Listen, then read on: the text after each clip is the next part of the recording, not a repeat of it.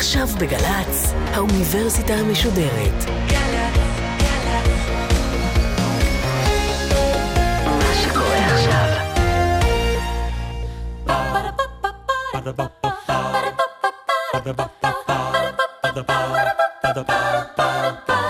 האוניברסיטה המשודרת בשיתוף מיזם וויז מציגה המדען העירום. מיטב החוקרים בישראל בשיחה עם בן שני, אחד על אחד מול קהל. והפעם הדוקטור איילת לנדאו, מרצה בכירה במחלקות למדעי הקוגניציה ופסיכולוגיה באוניברסיטה העברית בירושלים. על חקר קשב ותפיסת זמן. עורכת ראשית מאיה גאייר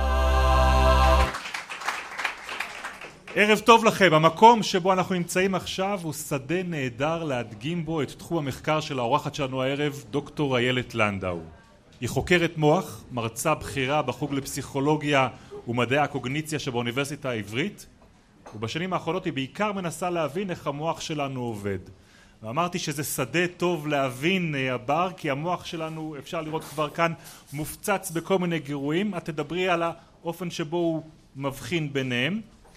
אני אומר בר כי הסדרה הזאת היא המדען העירום של האוניברסיטה המשודרת מוקלטת בברים ברחבי הארץ. אנחנו מביאים אליהם את מיטב החוקרים בישראל לפגישות עם קהל. את הסדרה שלנו עורכת מאיה גאייר מפיקה ועורכת את התחקיר אביגיל קוש. ואחרי כל ההקדמות האלה איילת כשאני פוגש מדען אני חייב להגיד בעונה האחרונה רוצה לפגוש הרבה מדענים צעירים וזה לא כל כך טריוויאלי שאנשים הולכים בכלל לעסוק בתחום הזה. מה מביא אותך לחקור מוח? אני חושבת שזה פשוט הדבר הכי מעניין שאפשר לחשוב אותו. אני חושבת שחלק מהדברים הטריוויאליים שאנחנו עושים, או שאתם עושים פה בבר, לשבת כאן, להיות יכולים להקשיב למה שיוצא לי מהפה, לשים לב למה שבן אה, מספר לכם, בזמן שיש את כל ההמולה מאחוריכם וכל מיני אה, גירויים שונים, בעצם באמת מפציצים את החושים שלכם. על פניו זה נשמע כמו קסם, ואת הקסם הזה המוח מבצע. אז לחקור את המוח, להבין איך המוח בעצם מתזמר את הפעילות שלו, על מנת לייצר תפיסה שמקדמת את המטרות שלנו, ש, אה, שיש לה משמעות, אה, זה פשוט אה, תחום מאוד מאוד מעניין, ובאופן ספציפי להיות מדען זה בעצם להיות באיזשהו מגרש משחקים נצחי, בעצם לעקוב אחר השאלות שהכי מעניינות. אה, לבנות ניסויים במעבדה, לעבוד עם סטודנטים מבריקים כדי לקדם את השאלות המחקריות. ככה חשבת תמיד? אני חשבתי תמיד שהשאלות האלה הן מעניינות. איזה שאלות? שאלות שקשורות אה, לאיך אנחנו תופסים, לאיך אנחנו, אה, בעצם כל, כל התופעות שאנחנו מסתכלים סביבנו, להבין אותם, להבין את המנגנונים של, אה, של התפיסות שלנו ושל דברים כלליים יותר, תמיד נראה לי כדבר מאוד מאוד מעניין. וכשאת אומרת תמיד, על איזה גיל את אה, מכוונת? אני חושבת שבתיכון ובחטיבה, בייחוד, התחלתי לשים לב לסיפור הזה של פיזיולוגיה, של גוף האדם, של איך שהוא עובד, והדברים האלה נראו לי מאוד מאוד מעניינים. אה, והתוכנית המקורית הייתה כמובן אה, ללמוד רפואה. אבל... אה, להיות אבל, רופאה. כן, להיות, לא סתם, להיות מנתחת, כזאת שיכולה לתקן דברים גם. אוקיי. אבל, אה, אבל התחלפה התוכנית הזאת, מאי אלו אה, סיבות, תפסתי את המנעד של הדברים שמעניינים אותי, מצאתי עניין בחוג לפילוסופיה ובחוג לפסיכולוגיה. אה, כשהתוכנית הייתה כן לחקור את המוח אחר כך, נלך נלמד רפואה ונבין את המוח אחר כך. אחר כך תלמדי את הצד הביולוגי שלנו, אבל קודם כל תתעסקי במה? כך, כך, כך התחלתי, כן, במה שהיה נראה לי מעניין, פותח יותר, אם נאמר. אה, ומה שקרה במהלך התואר הראשון זה שהבנתי שבעצם להבין אה, את התשובות לשאלות שקשורות למוח, שמעניינות אותי, מאוד ביעילות אפשר ללמוד כשלומדים על התנהגות אנושית. ובעצם מצאתי בית מאוד מאוד טוב לתחומי העניין שלי בחוג לפסיכולוגיה, שבו הרבה מהמחקר היום נסוב סביב התנהגות והקשר בין התנהגות למוח. אז את אומרת קשב.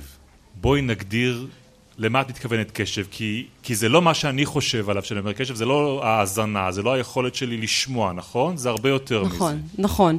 קשב, אה, באופן ספציפי, הקשב שאני חקרתי אפילו לא קשור לשמיעה, או קשור לאופנות החזותית, ו, אה, ואני התעסקתי הרבה בראייה, אה, אה, הקשב שאני מדברת עליו זו אותה יכולת שבאמצעותה אנחנו יכולים בעצם לאבד את המידע שהוא רלוונטי לנו ולסנן החוצה מידע שהוא לא רלוונטי. דברים רגע. שלא מקדמים את, ה, את, ה, את המטרות שלנו, דברים שיכולים אולי להסיח את דעתנו. אז יש פה שני תהליכים בעצם. אנחנו צריכים לברור, אנחנו צריכים לבחור אה, אה, את הדברים שהם רלוונטיים. יש כל מיני דרכים שונות שהבחירה נעשית בהם.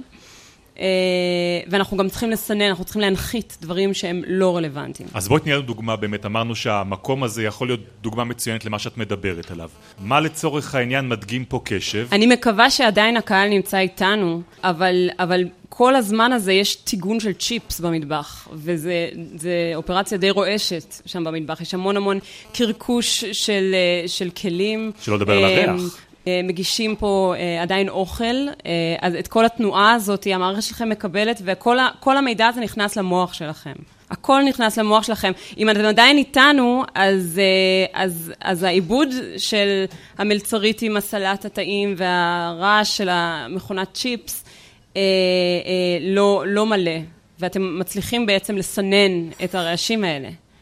אתם מצליחים גם לסנן את הלחץ של הכיסא על הגוף שלכם, אתם מצליחים אולי לסנן גם איזו מחשבה טורדנית על זה שאתם אולי מקבלים אימייל או, או טקסט מסאג' בטלפון שלכם, אם אתם באמת עדיין איתנו. והקשב ו... מופנה למה? והקשב, אה, תקוותי היא, מופנה אלינו כרגע, ובעצם הגירויים התפיסתיים שהם אני ואתה כאן על הבמה, אה, כמו גם הקולות שלנו, אה, הם מגיעים למוח ו, אה, ובעצם עוברים אלבורציה, עוברים עיבוד שהוא מורכב יותר, שהוא עמוק יותר, לכדי זה שאנחנו לא סתם פיקסלים על מצלמה בשבילכם בתוך העיניים או על אבל, הרשתית. אבל אנחנו לא פיקסלים, הרי תשמעי, אם אנחנו מדברים על איברים אחרים בגוף, שאנחנו לומדים על הפעולה שלהם, אנחנו יודעים שהכליות מתעסקות בנוזלים, אנחנו יודעים שהכבד מסנן דם, שהריאות מעמיסות את הדם בחמצן, לאיבר הגדול הזה שנקרא מוח, מה נכנס פנימה? אז באופן ראשוני, אם אנחנו שנייה נתמקד אה, בראייה, יש, יש מנגנון שהוא די דומה למצלמה, זאת אומרת הרשתית שלנו בעצם רגישה לאור, ו, ו, וכשאתם מסתכלים על הבמה, יש תמונה, והתמונה הזו היא תמונה דו-מימדית על הרשתית. אחר כך אה, יש מספר תחנות ממסר, עד שהמידע הזה מגיע לקליפת המוח. שם נעשים המון המון חישובים, ושם למעשה יש מפה, אותה רשתית, שבעצם ממפה את הסביבה החיצונית, אה, נזרקת או מושלכת על מפה פנימית באזורים האחוריים של המוח, ושם אה, אה, בעצם מתחילים חישובים, שמתחילים לעשות איזשהו היגיון מה, מההבזקי אור האלה, אם תרצו, אוקיי? אז יהיו לנו אזורים שבהם המפה תתעסק בדברים מאוד מאוד אה, פשוטים, כמו בהירות, החולצה שלך כהה, אה, אה, והפנים שלך בהירות מזה, אז הקונטרסט הזה, ההבדלים האלה בבהירות, יהיו הדברים שיוצגו במפות הראשונות. אבל ככל שאנחנו נתקדם באיזושהי היררכיה שקיימת במערכת החזותית, אה, הייצוג יהיה מורכב יותר, החישוב יהיה מורכב יותר, אה, וכל הייצוגים האלה וכל הרמות מורכבות האלה צריכים בעצם לתקשר הרבה אחד עם השני. אה, כמובן שזה לא נגמר רק בתמונה הזו, נכון? אתם מסתכלים עליי, הפנים שלי זזות, אני מפיקה קולות, ויש איזשהו, איזשהו רגע בעיבוד של מה שאתם רואים, שבו אתם מצליחים לחבר את העובדה ש, אה, שהדיבור, הקולות שמגיעים לאוזניים שלכם, אה, אה, הם בעצם תוצאה של הדיבור שלי שאותו אתם רואים עם העיניים שלכם. אז, אז באמת יש אין סוף, אין סוף חישובים. אז כל, כל הדבר הזה, שבעצם הפלא הגדול ש, שמושך, אני חושבת, מדענים כמוני לחקור את המוח, זה... הנה נשברה צלחת. הנה נשברה צלחת וגם נשבר הקשב שלנו. זאת אומרת, היה שם משהו גדול, ואנחנו אה, לרגע עצרנו כדי לברר האם זה משהו שאנחנו, שראוי ויקדם את המטרות שלנו. שמאיים עלינו. ובסופו של דבר הוא קצת קידם את המטרות שלנו, כי הוא הדגים את הנקודה. Okay. אוקיי. אז uh, אנחנו צריכים להודות למישהו במטבח. Um, אז כל התהליך המאוד מורכב הזה, זה התהליך שזוכים לו הגירויים שבעצם הם רלוונטיים לנו, שאנחנו קשובים להם. כל האלבורציה הזו, כל העיבוד המורכב הזה, אה, אם, אם, אם אנחנו אה, חושבים על, ה, על הטיגון של הצ'יפס במטבח, אתם מצליחים להנחית את זה ואתם מצליחים אפילו לשכוח שזה קיים. כמה מהמוח שלי מתעסק בזה? הרוב. זו התשובה הפשוטה. התשובה הפשוטה היא, אה, זאת אומרת, אני לא יודעת בדיוק למה אתה מתכוון כשאתה אומר בזה. אני מתכוון לזה שכל הזמן אומרים שאנחנו מנצלים רק חלק קטן מהיכולות שלנו בכל רגע נתון. אז התשובה הפשוטה היא שאנחנו לא מנצלים רק חלק קטן מהיכולות שלנו, אנחנו עושים המון המון המון המון חישובים. אני חושבת שהאמירה הזאת היא, היא סוג של אינטרפטציה מוטעית אה, לעובדה שמרבית המוח שלנו עסוק בתקשורת עם אזורים אחרים במוח. אוקיי? רוב המוח שלנו עסוק בעצם להעביר מידע מחישוב אחד לאחר, או מאזור שעסוק בחישוב אחד לאזור שעסוק בחישוב אחר. בעוד שהתמונה הזאת שנכנסת מהרשתית מהווה אחוז מאוד מאוד קטן מה, מהחישובים שקורים במוח. אז שם באמת, באמת המספרים הם משהו כמו 10 אחוז מהמוח שלנו הוא הקלט הזה. וכל השאר זה בעצם אה, אה, לופים, לולאות של עיבוד או, או איזושהי תזמורת של, של, אה, אה, של שיח, של אזורים שונים אחד עם השני, אה, אה, שאנחנו לאט לאט אה, מצליחים להבין מה הפשר של החישובים האלה. אז בוא רגע, אם אני הבנתי, נסכם את השיעור עד לרגע הזה. כשאת מדברת על חקר הקשב, את אומרת בעצם מה בתוך המוח אני מפעיל כדי להיות מסוגל עכשיו לבודד את התמונה שלך ולחבר אליה את הקול שאת מפיקה ואחר כך להפיק גם תובנות ממה שאני שומע ומאבד כשפה שלך ובאותו הזמן לטשטש את המראה שיש מאחורייך ואת הקהל שיש מלפניי ואת המחשבות הטורדניות שיש מאחורה איך אני מפעיל את כל אלה? כן, והייתי אפילו מחדדת ואומרת, יש פה שני, שתי רמות של תיאור שהן שתיהן מאוד מאוד חשובות, שלדעתי המדע שלנו צריך תמיד לעבוד בשתיהן. הרמה הראשונה היא באמת לתאר מבחינה קוגניטיבית מה התהליכים שאנחנו צריכים אה, אה, לבצע. אנחנו צריכים לבחור ואנחנו צריכים להנחית. אלה שני דברים שונים. ההנחתה ועדיין, היא, היא, היא פעולה סינון, פיזית שאני עושה? סינון. אחר כך אני יכולה לשאול, ואיך המוח עושה את זה? והאם הפי... הדבר הזה זה דבר אקטיבי, האם זה דבר פסיבי. וכן, כשאנחנו מתחילים להסתכל על, אה, על המוח ושואלים איך אנחנו עושים את שתי האופרציות הללו, אז אנחנו מגלים שכן, שלא רק הבחירה של מה רלוונטי ומקדם את מטרותיי זה תהליך אקטיבי, אלא יש גם תהליכים שהם בפירוש תהליכי אה, דיכוי שהם אקטיביים, שבעצם אה, אה, פועלים להנחתה של אותם גירויים שלא, שלא תורמים לנו, שלא אה, קשורים למידע שהוא קשוב. וכשאת באה לחקור את העניין הזה, את הקשב, מה למעשה את מנטרת? איפה את שמה את האלקטרודות שלך ומה את מחפשת? אז, אז אני, אני אוהבת לעבוד, אז כמו שאמרתי, העבודה שעשיתי היא בעיקרה עבודה אה, על קשב חזותי. אה, וקשב במרחב. אה, יש המון סוגים שונים של קשב, אבל באופן ספציפי הדוגמה שאני ככה אעבוד איתה הרבה הערב, זו באמת הדוגמה שבה אנחנו שמים קשב במקום אחד במרחב, ואנחנו מנחיתים קשב במקומות אחרים. וכבר רמזתי לכם שבעצם במערכת החזותית שלנו יש המון המון מפות. ו... למה את מתכוונת במפה? דיברתי על זה שהרשתית שלנו בעצם ממפה, או יש בעצם איזושהי תמונה של הסביבה על הרשתית, ושהארגון הזה של אה, דברים שנמצאים ליד, אחד ליד השני בעולם, נמצאים אחד ליד השני ברשתית, את זה קל לכולנו להבין, נכון? ככה גם מצלמה עובדת.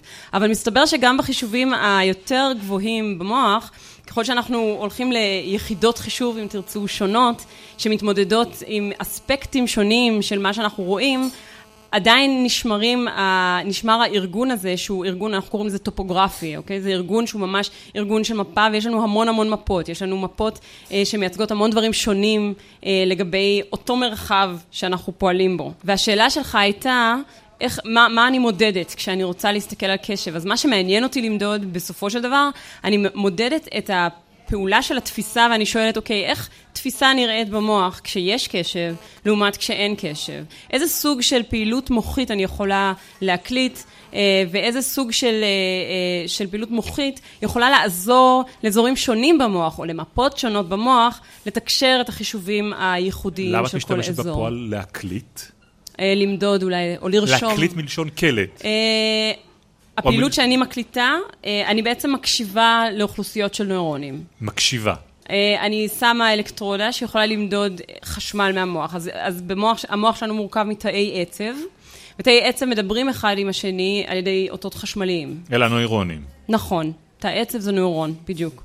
ונוירון בודד יכול לייצר אה, תגובה שאנחנו קוראים לה יירוט, הוא אה, מקבל איזשהו קלט שהוא אוהב, ואני מדברת עכשיו על גירוי חיצוני בעולם.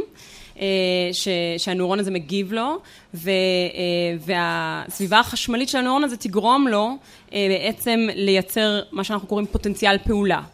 שזו בעצם, זה פלט של נוירון בודד, אוקיי? יש לנו המון המון נוירונים, אה, ו, ואנחנו גם יודעים היום שאין נוירון בודד שעושה את הדברים המאוד אה, מרשימים האלה שאנחנו מצליחים לעשות, נכון?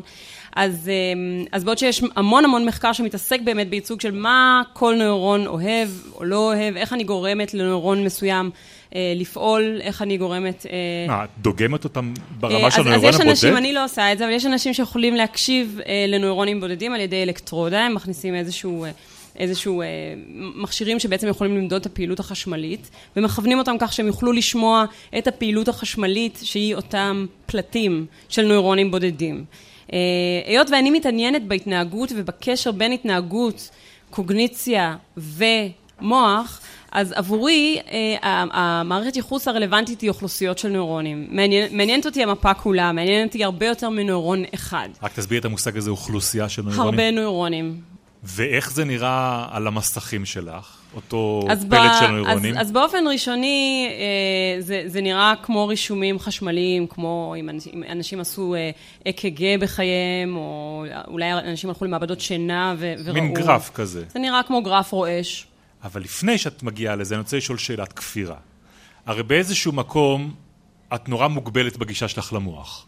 הוא עטוף בקליפה. אם אני מתעסקת עם בני אדם, כן. אם אני, אם אני מודדת מבני אדם, אז יש אה, לרוב, יש, אה, יש מגבלה, אלא אם כן הם פציינטים שמגיעים לאיזה שהם הליכים שהם יותר חודרניים. נכון. סיפר לנו מורן סרף באחד המפגשים הקודמים על זה שאת הבדיקות הוא מבצע על אנשים שמגיעים למעשה לניתוח מוח והגולגולת שלהם פתוחה והוא נכון. מנצל את ההזדמנות הזאת. נכון. אבל רוב הזמן הגולגולת, למזלנו, סגורה. ואני אומר יותר מזה, הגולגולת הסגורה היא זו שמעניינת אותנו, כי הגולגולת הסגורה היא זו שעובדת uh, בצורה תקינה. זאת אומרת, זו המערכת ש... okay. אוקיי. שעובדת היטב, וזו המערכת בעצם שהיא... שהיא יותר מעניינת לחקור. אבל אני לא רוצה אה, לאכזב אתכם, אם אתם תבואו למעבדה שלי, הניסויים שלי יהיו קצת יותר משעממים מלשבת בבר. איך הם יראו? הם יראו, אה, אתם תשבו בחדר חשוך, ואנחנו נשמור על קלטים אה, אה, ברמה מאוד בסיסית, ואז אנחנו בעצם נפעיל איזה שהם גירויים, והגירויים גם הם עשויים להיות גם כן יחסית בסיסיים, אנחנו עשויים להתחיל מגירויים ממש פשוטים כמו קווים. תקריני לי קווים מול העיניים? כן, איזשהו גריל כזה של קווים, דברים שאנחנו יודעים שמייצרים תגובה חזקה. למה? אנחנו, מה הדברים שמייצרים תגובות חזקות? המון, אז קווים, אנחנו יודעים שקווים זה, זה, זו תכונה מאוד פשוטה, שממנה כל הגירויים החזותיים מורכבים. אז, אז, אה, אז אנחנו יודעים ש, שפסים, לדוגמה, זה גירוי מאוד מאוד חזק עבור אזורים חזותיים ראשוניים. צבעים. ומסתבר שיש לנו צבעים שאנחנו מגיבים אליהם אה, יותר חזק, וצבעים שאנחנו מגיבים אליהם פחות חזק. דוגמה? איזה צבע מגיבים לך חזק? אני אומרת, בוא נשאל את הקהל. אני, אני די משוכנעת שהקהל בטח יכול לעלות על זה, הם בטח יודעים את זה כבר. כן, ניחוש. איזה צבע, איזה צבע אנחנו מגיע, מגיבים אליו הכי חזק? בבקשה. אלה ממצאים מאוד מאוד חדשים. אבל, אה, אבל אה, התגובות החזותיות לצבע אדום... אמרו אדום פה כולם ככה פה אחד. ממש פה אחד, זה כאילו... היה לי, היה לי ביטחון בכם ולא לא טעינו. בעצם סוג הפעילות שאנחנו מדברים עליה זה פעילות של אוכלוסייה. ואפשר לשאול את השאלה למה האדום מייצר תגובות חזקות באוכלוסייה, אה, אבל ספציפית התגובה החזקה באוכלוסייה שאנחנו רואים במעבדה בתגובה לאדום קשורה לפעילות שהיא פעילות מחזורית במוח. זאת אומרת, המוח שלנו מייצר פעילות אה, ברמת האוכלוסייה, זאת אומרת, אף נוירון בודד לא בהכרח מיירט בצורה קצבית. אבל מסתבר שאם אנחנו מסתכלים על אוכלוסיות של נוירונים, כמו שאמרתי, זה כבר דברים ברמה של פחות או יותר סנטימטר של אה, חתיכת קליפת מוח, אנחנו יכולים למדוד פעילות שיש לה צורה של סינוס קצת. אה, והתגובה הזאת זו תגובה תפיסתית, והיא מאוד מעניינת, ויש לה המון המון פוטנציאלים. היא מבטאת את הרגע שבו יש למעשה ו... תשומת לב באזור הזה. בנושא מסוים, מה שאפשר לקרוא לו התחלה של קשב. הפעילות הזאת היא פעילות תפיסתית בסיסית. ואם יש לי קשב על משהו, אז הפעילות הזו, הקצבית, המחזורית הזו, עשויה להיות חזקה יותר. זאת אומרת, ככה אני אוהבת את הניסויים שלי, נכון? אני ארצה להראות איזשהו גירוי כאשר הוא, אה, הוא קשוב, אני ארצה להראות אותו כשהוא לא קשוב. ותמיד אני אראה, לא משנה מה הגירוי ומה התנאים, אם אני מסתכלת על האזורי ייצוג הראשוניים האלה, ברגע שאני אראה את הגירוי תהיה תגובה, אה, וחלק מהתגובה הזאת תהיה גם כן אה, אה, תנודתית, מחזורית. אם אני קשובה לגירוי, אז התגובה הזו עשויה להיות חזקה יותר, ושוב, ממצאים יחסית חדשים מלמדים שהתנודות לגירוי חשוב, התנודות הללו הן מהירות יותר. זאת אומרת, הפעילות המוחית מתבטאת בקצב יותר מהיר של הגל. נכון, הגל עצמו מהיר יותר. אף נוירון בודד לא בהכרח מהיר יותר, אבל האוכלוסייה כולה תייצר את הגלים האלה, היא תייצר אותם אם זה קשוב או לא קשוב, ואנחנו נוכל להבחין בין שני המצבים האלה על ידי אה, אפיונים כמו החוזק של התגובה, או אה, גם המהירות של הגל. עכשיו, אמרת קודם שהקשב הרי מופנה באזור אחד אל הפנים שאני מסתכל, ובאזור אחר אל הקול שאני שומע, ובאזור אחר בכלל להקשרים שאני עושה בהם.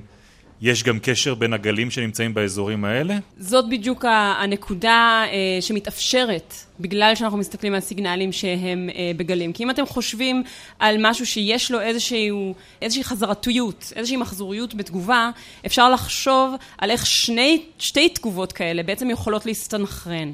אה, אז בעצם כשאנחנו מסתכלים על תגובה שיש לה צורה כזאת, איזשהו קצב שהוא צפוי, אפשר להתחיל לייצר קשרים בין אזורים שונים על ידי סינכרון של יחס הזמנים בין הקצבים האלה.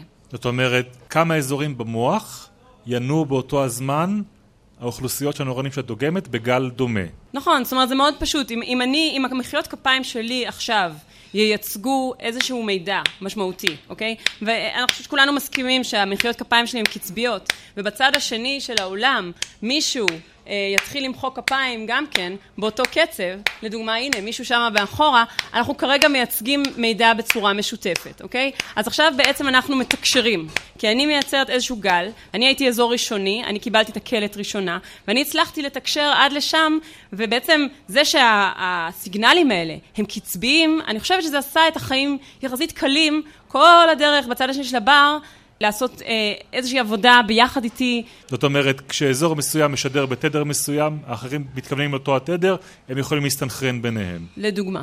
דוקטור איילת לנדאו, חוקרת המוח, היא האורחת שלנו הערב, ואמרתי כבר, אנחנו נמצאים במייקס פלייס בירושלים.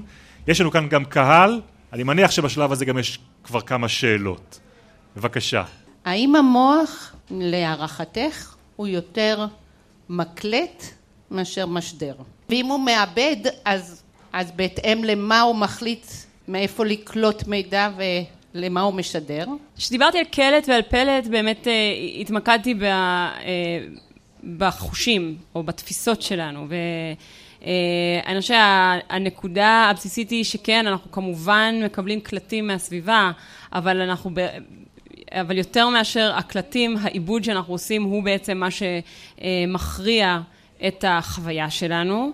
אה, משדר, המוח לא ממש משדר, אבל אנחנו עושים פעילויות בעולם, אנחנו עושים פעולות, אז... אנחנו גם מקבלים קלטים לא רק מהסביבה, אלא מתוכנו? אז, אז אה, קודם כל, התשובה החד משמעית היא בוודאי, זאת אומרת, אנחנו מקבלים קלטים מכל הגוף שלנו, אה, ויש, האמת, בתחום חידושים די מעוררי ויכוח לגבי אפילו ה... אה, התפקיד של כל מיני סיגנלים שאנחנו מקבלים מהמערכת אה, של הקיבה שלנו, של הלב שלנו, זאת אומרת, כל הדברים האלה, גם כן, אנשים מתחילים לחקור את הקשר, את הקשר בין הפעילות החשמלית שאפשר להקליט בבטן, במעיים, אה, והפעילות החשמלית במוח, לדוגמה, אלה, אלה חזיתות בתחום שלנו. אבל הנקודה היא באמת שיש, מה זה קלט? כשאני מדברת על קלט, אני מדברת על זה שיש לי אוכלוסייה של נוירונים והיא מקבלת משהו, וכמו שאמרתי לבן לפני כן, הקלטים שלנו מבחוץ הם 10% מהחישובים שאנחנו עושים, אבל זה לא אומר שאין עוד קלטים, כי אם יש לנו היררכיה ויש לי תחנות ממסר שונות, אז כל תחנת ממסר מקבלת קלטים אה, מאזורים אה, סמוכים. איך אז, נקבעת ההיררכיה הזו? אז אני חושבת באופן מסורתי, ההיררכיה נקבעה על ידי זה שהסתכלו על... אה, אה, יש כל מיני דרכים אה, למדוד, אה, ממש קישוריות בין נוירונים בודדים, להגיד, אה, אוקיי, קיבלנו נוירון, אה, אה, אה, עצב הראייה הביא לנו נוירון עד לתלמוס, ומהתלמוס יש נוירון שמקבל את המסר הזה וממשיך הלאה. עשו עבודות כאלה, שהצליחו אבל... לעקוב אחרי אותו מידע? כן. לחלקים אה, הפנימיים יותר של לא, לא תמיד ב, בבת אחת, אבל, אבל בסך הכל הצליחו להרכיב את הפאזל. אבל אני רציתי להתחבר למשהו שעידית אמרה קודם. בתיאור הזה של האופן שבו המוח פועל, יש משהו באמת מאוד פסיבי. הוא הופך את המוח למשהו שהוא רק קולט. אבל איפה המקום אני אומר רק, רק באופן שאנחנו מתייחסים אליו כאל משהו שמופצץ בגירויים והוא מחליט במה הוא מתמקד מתוכם. אבל איפה באמת הבחירה המודעת של ללכת ולצוד את מה שאתה רוצה לחפש? היא גם מתבטאת כקשב? אז אמ- אמרתי לפני כן בקצרה שיש כל מיני סוגים של קשב. אז אם אנחנו מדברים על קשב שהוא רצוני, אותו סוג של קשב באמת שאנחנו תמיד מנסים להשתלט עליו, אם נאמר, שאנחנו עושים משהו, אנחנו בדרך כלל נדבר על זה שאנחנו מנסים אה, להתמקד במשהו מסוים, כי אנחנו מאמינים ש... הוא בעל משמעות, אז כן, אז יש, יש תפקודים הרבה יותר גבוהים שבעצם אה, יהיו באינטראקציה. והחלק השני של התשובה שלי לעידית, היא שלא צריך גם את ההיררכיה לקחת יותר מדי ברצינות. זאת אומרת, זה שאנחנו הראינו שנוירון מבחוץ הולך לכאן, ואז הולך לכאן, ואז הולך לשם, או שתמונה, בהתחלה יש אה, עיבוד פשוט של קווים, ואחר כך של צבע, ואחר כך של זוויות, ואחר כך של תנועה, וכל מיני דברים כאלה, אה, זה לא אומר שהמידע רק הולך לכיוון הזה.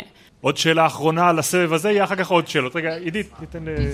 כן, לגברת פה, בבקשה. שמי אתי. נראה לי שהבנתי מההרצאה איך נראה במחקר שלך הקשב, וחשבתי לשאול האם אפשר גם באותה דרך לדבר על ריכוז, או שזה משהו קצת אחר. אוקיי, okay, אז שאלה טובה, ובאיזשהו מקום גם שאלה שצפינו אותה, אני חושבת. אז, אז כשאת שואלת על, על ריכוז, אה, אני חושבת שבראש כולנו מדברים או חושבים על, ה, על המונח הזה, הפרעות קשב וריכוז. אה, וחשוב לעשות איזושהי הבחנה בין הקשב שאני מדברת עליו, שהוא קשב שיש לי הרבה מאוד אחיזה במערכת התפיסתית לחקור אותו, הקשב המרחבי הזה של הנה אני מראה לכם פה עכשיו בקבוק ביד שלי ועכשיו אני מבקש מכם לא לשים את קשבכם עליי אלא לשים על הבקבוק ואיזה תגובה מוחית הוא מייצר ואיזה רשתות מאבדות את הבקבוק אה, אה, כשאתם שמים את קשבכם עליו ועכשיו אני מבקשת מכם להחזיר קשב אליי, ואיזה רשתות מומחיות מתעסקות בבקבוק הזה עכשיו, אוקיי? זה הסוגי קשב האלה שאנחנו אה, בדרך כלל אה, נחקור. כשמדברים על הפרעות קשב וריכוז, אנחנו מדברים באמת על סלסילה אדירה של תופעות. אה, גם מבחינת המופעים הקליניים שלהם, וגם מבחינת הניתוח אפילו השטחי הקוגניטיבי שלהם. זאת אומרת, סוג ההפרעה, נכון, הפרעת קשב וריכוז, אה, אה, היא, היא כל כך אה, עשירה יותר, ולרוב היא תתחיל כבר ברמות הרבה יותר גבוהות קוגניטיביות, שאין שאלה בכלל שאם בן אדם לא מסוגל אה, להתמקד, אה, או כל הזמן יש לו מחשבות טורדניות אחרות, אז כשאני מבקשת להסתכל על הבקבוק הזה, הוא יעשה עבודה פחות טובה. זאת אומרת, אבל, אבל מהפרספקטיבה שלי, זה יהיה, אה, זה יקשה עליי להבין איך קשב עובד. וריכוז, כשחוקרים ריכוז לרוב צריך לחקור דברים שהם באמת ברמה קצת יותר גבוהה, כמו איך החבר'ה האלה מקבלים החלטות, איזה תפקודים ניהוליים ותפקודים של בקרה יש להם על המטלה שהם עושים. אז אני חושבת שיש, אני מאוד מצפה כבר לרגע במדע שאנחנו נוכל לקשור בין הדברים האלה. אני לא בטוחה שאנחנו שם. אבל אם אני מסכם ומנסה רגע להתגבר על הפרעת הקשב שלי, את בעצם אומרת שכדי להבין מה זה הפרעת קשב צריך קודם כל להבין מה זה קשב. קודם כל בואו נבין את הדבר הכי בסיסי, איך, איך עובד הדבר הכי בסיסי במוח, כדי אחר כך להתעסק בכל ההפרעות ש, שמסיחות אותו. אני בטוחה שאם אנחנו נבין איך קשב עובד, אז אנחנו נוכל להוסיף את זה כעוד נדבך במחקר שחייב להיות מאוד עשיר אה, ורב, ורב מימדי על הפרעות קשב וריכוז, כן. מרתק בו לדבר איתך דוקטור איילת לנדאו, חוקרת אה, קשב וחוקרת מוח באוניברסיטה העברית. אנחנו במדען העירום של האוניברסיטה המשולת בגלי צה"ל, עורכת את התוכנית מאיה גייר, מפיקה אותה וערכה את התחקיר אביגיל קוש. הטכנאים הם בני יהודאי וליעד גרושקה. תודה נוספת לניב ורובל ולעדן ספקטור. תעקבו אחרינו בעמוד הפייסבוק שלנו ושל עמותת וויז, השותפה שלנו בסדרת המדען העירום. אני בן שני, לילה טוב.